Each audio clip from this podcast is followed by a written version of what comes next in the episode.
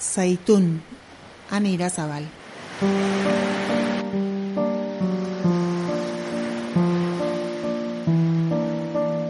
Europako eskuin muturrarentzat musa edo inspirazio berria bilakatu da, baina Italian aspalditik da ezaguna. Georgia Melonik ultra eskuin atzerakoienaren ideal guztiak islatzen ditu. Erroman fasistak ez ziren inoiz desagertu edo transformatu. Italiako beste hainbat txokotan antifasismoak indar handia eskuratu zuen bitartean, Mussoliniren mugimenduak aziak ere zituen hiriburuan. cointenti la Valle del Po. Noi vogliamo che la Valle del Po resti repubblicana. Belaunaldiz, belaunaldi politikari neofasista berriek herritar horiei ahotsa ematen saiatu dira. Hautesle nostalgikoak erakartzen eta melonik egungoak islatzen ditu. Quando non avremo più un'identità e non avremo più radici, noi saremo privi di consapevolezza, incapaci di difendere i nostri diritti.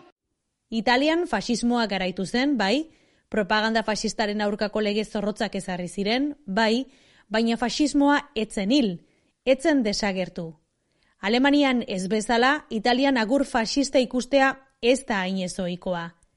Erromara bizitzera joan nintzenean, atentzio gehien eman zidan gauzetako bat izan zen, jende askok argi eta garbi ez bairik gabe esaten zuela fasistak zirela, Azken egunetan, boxen mitin batean esandako basakeriengatik eginda fabatu Meloni Espainiako estatuan.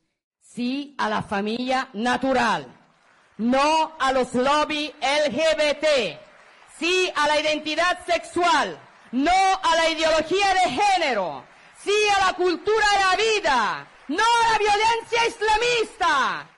Bertan, Bruselako burokratak kritikatu ditu, LGTBIQ lobiak salatu, genero ikuspegia baztertu, sustrai kristauak goraipatu eta noski migrazioa kriminalizazioarekin lotu.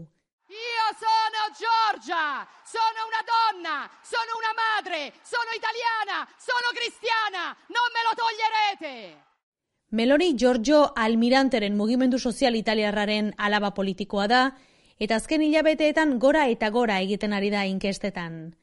Mateo Salviniri eskuin muturraren lidergoa usurpatu dio, eta datorren urtean egingo diren bozetan irabazlea izan liteke.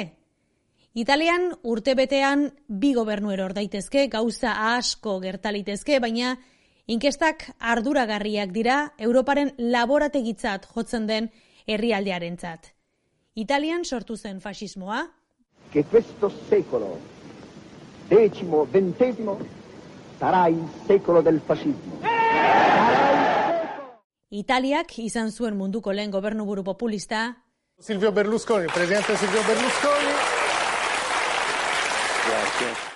Eta Italiara iritsi zen lehen aldiz eskuin muturra boterera. Onorevole Salvini, ringrazio per essere con noi. Prego.